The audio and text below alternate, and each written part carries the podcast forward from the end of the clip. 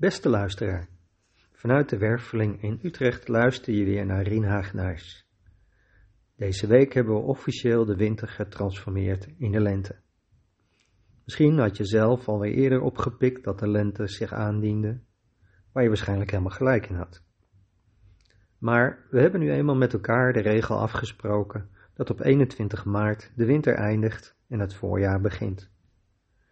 Dat is iets waar ik het vandaag met je over hebben wil, in het kader van de reeks over onze 13 chakra's van de kosmische mens. Inmiddels hebben we het tiende, het epifyse chakra, en het elfde, het kroonchakra, behandeld. En vandaag ga ik je wat meer vertellen over het twaalfde chakra, ook wel het transformatiechakra genoemd.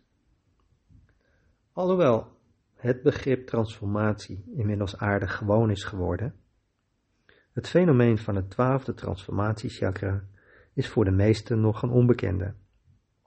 Dus laat ik je eerst maar eens vertellen waar het zich bevindt. Het transformatiechakra bevindt zich een handlengte boven je kraan. Van je polsgewricht tot aan je middelvinger, dat is de afstand. Wat op zichzelf al bijzonder is, want het zit dus buiten ons fysieke lichaam.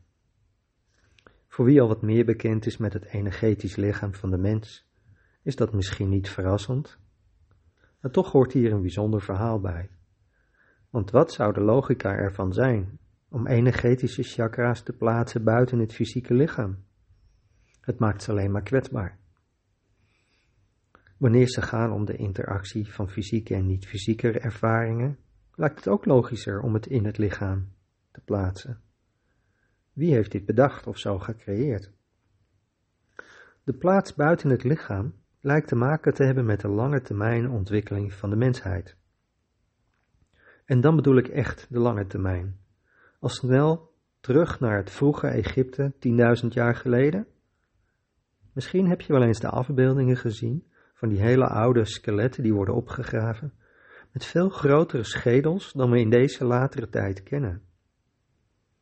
In de oorsprong van het menselijk bestaan lijkt een soort te liggen die fysiek veel groter was dan we nu zijn. Grappig genoeg zijn we in de afgelopen 200 jaar als mens weer flink gegroeid. Was de gemiddelde man rond 1850 1,65 meter. Nu 200 jaar later zijn we, nou nog een beetje meer, zijn we bijna 20 centimeter langer. En dan hebben we het nog maar over gemiddelde. Dus met een beetje geduld zit het transformatiechakra gewoon binnen de afmetingen van ons fysieke lichaam. Eigenlijk zou je kunnen zeggen, groeien we in onze energetische jas. Niet dat je met deze informatie heel veel kunt, maar misschien is het wel leuk om te weten. Interessanter is de vraag wat het transformatiechakra eigenlijk doet. Laat ik eerst maar eens beginnen met het woord transformatie. Het ooit zo bekende Van Dalen woordenboek geeft daar als uitleg van omvorming en gedaanteverandering. Dus dit chakra gaat over het omvormen van dingen of het veranderen van de gedaante. Dit laatste klinkt misschien wel het vreemdste in deze context. Maar wij, als begeleiders in de werveling, zien soms letterlijk hoe mensen hun gezichtsuitdrukking of hun houding kan veranderen wanneer zij door grote innerlijke belemmeringen gaan. Ze transformeren. De vraag die dan rijst, is wat het transformatiechakra dan eigenlijk omvormt. Om die vraag te kunnen beantwoorden is het nodig om te kijken naar het hele bewustzijn. Daarbinnen vormt dit chakra, het transformatiechakra, de toegang tot de modus van het herinneren. In deze modus liggen de ervaringen van onze ziel opgeslagen. Eigenlijk zou je je met herinneren kunnen lezen. Je brengt ze opnieuw, je her, opnieuw in je innerlijk wezen. Je verinnert ze. Maar wat zijn dan die ervaringen van de ziel? In elk geval gaat het over dingen die voor jou van wezenlijke betekenis zijn. Dus niet dat de zuurkool van gisteravond zo lekker was. Nee, het gaat over inzichten en ideeën die belangrijk genoeg zijn om ze over de grens van het leven mee te nemen. Vaak gaat het dan om dingen die van betekenis zijn voor hetgeen je hier als ziel op aarde wilt ontwikkelen. Je snapt, met het introduceren van ervaringen over de grens van het leven, neem ik je direct mee in de wereld van reïncarnatie en vergelijkbare concepten.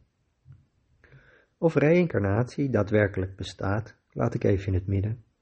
De werkelijkheid van ons bestaan is misschien nog wel complexer. Maar in elk geval kan ik met eh, reïncarnatie iets ingewikkelds als het transformatiechakra aan je uitleggen. Het kan dus zijn dat in die modus van herinnering ervaringen en inzichten liggen opgeslagen die betrekking hebben op eerdere levens. Denk bijvoorbeeld eens aan het idee dat je geen recht hebt op een overvloedig leven, omdat je in de 18e eeuw al een slavenhandelaar was, waarbij je anderen hebt uitgebuit. Dit oude idee, ook wel overtuigelijk genoemd, is in dit leven misschien wel niet meer relevant voor je. Dan komt hier het transformatiechakra je een dienst bewijzen. Het geeft je de sleutel om dit achterhaalde idee om te vormen naar een nieuw en meer dienstbaar inzicht in dit leven. En zo betreden we ongemerkt de wereld van het karma. In veel oude wereldreligies bestaat er zoiets als karma. Daarmee wordt zoiets bedoeld als dat verstoringen van het evenwicht, die je in het verleden hebt veroorzaakt, in een volgend leven moeten worden hersteld. In bovengenoemd voorbeeld van de slavenhandelaar ik gebruik de slavenhandelaar omdat ik gisteren even heb zitten kijken naar de serie Taboe op Netflix. In bovengenoemd voorbeeld zou het betekenen dat je in dit leven geboren zou moeten worden met de taak om bijvoorbeeld zoveel mogelijk vluchtelingen te helpen om een menswaardig bestaan op te bouwen. Dus je moet iets goed komen doen voor de mensen of de groep die je in het verleden hebt uitgebuit. Pas wanneer het leed als slavenhandelaar is gecompenseerd, de genoeg liefdevolle bijdrage, dan kun je dit oude idee loslaten. Dat is dus niet meer nodig op die manier. Het transformatiechakra en de modus van herinneren bevrijden de mens van karma, anders gezegd van deze eindeloos durende cirkels van steeds weer opnieuw geboren worden. Immers, welk een onheil veroorzaak je in het volgend leven weer, waarin je bent gekomen om net iets anders te herstellen? En zo beweegt de mensheid eindeloos voort, gevangen in cycli van wedergeboorte. Denk je dat je hier ooit uit zou komen? Wellicht komt er nu in je op welke schepper bedenkt zoiets. Ik zou zeggen geen enkele. Het is meer een gevolg van het proces van ontwikkeling. Want pas wanneer een lichaam en een bevolking voldoende ontwikkeling hebben bereikt, dan komt het transformatiechakra binnen het bereik. Dan kun je er iets mee doen. Dus die arme voorouder uit 1850, van 1,65 meter lang, had nog niet genoeg ruimte in zijn bewustzijn ontwikkeld om überhaupt van dit chakra gebruik te kunnen maken. Het principe van karma was lange tijd de enigste manier om dingen uit het verleden om te kunnen vormen. Kijkend naar de situatie in Oekraïne, zullen velen zich afvragen wat de reden is dat hier een oorlog wordt gevoerd. De geschiedenis van de mensheid wordt al zo lang getekend door een aaneenschakeling van kleine en grote oorlogen en het leed wat daaruit voortkomt.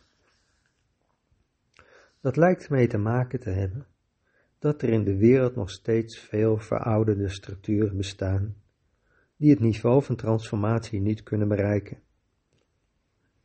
In plaats van te kunnen inzien hoe een ervaren onbalans kan worden omgevormd, wordt er gekozen voor vernietiging. De klassieke manier om vanuit vernietiging tot iets nieuws te kunnen komen. In diezelfde context is het fascinerend hoe overheidsinstanties in deze tijd haast als vanzelf alle kanalen opzetten om de vluchtelingenstroom op te vangen. Een soort uh, principe van uh, het goed doen in de lijn van de slavenhandel. Het lijkt erop dat ook in deze kanalen veel oude structuren vastzitten die zoeken naar transformatie.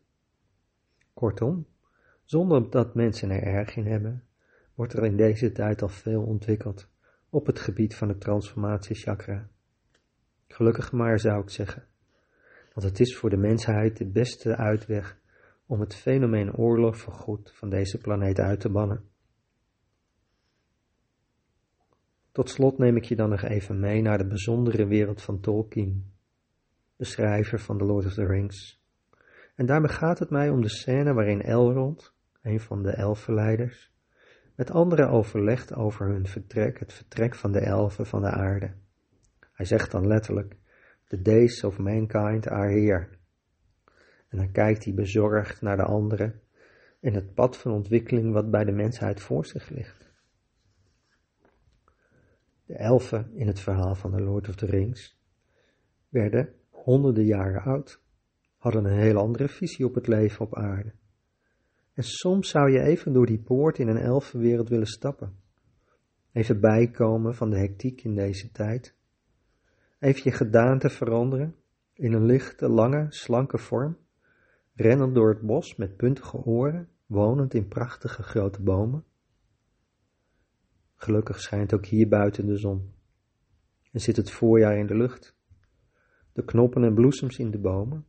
En de wereld komt weer naar buiten. Er drijft een vrolijk geroesmoes de werveling binnen. Een plek waar je de magie van transformatie aan de lijve kunt ervaren. Ik dank je voor je aandacht en wellicht tot de volgende podcast.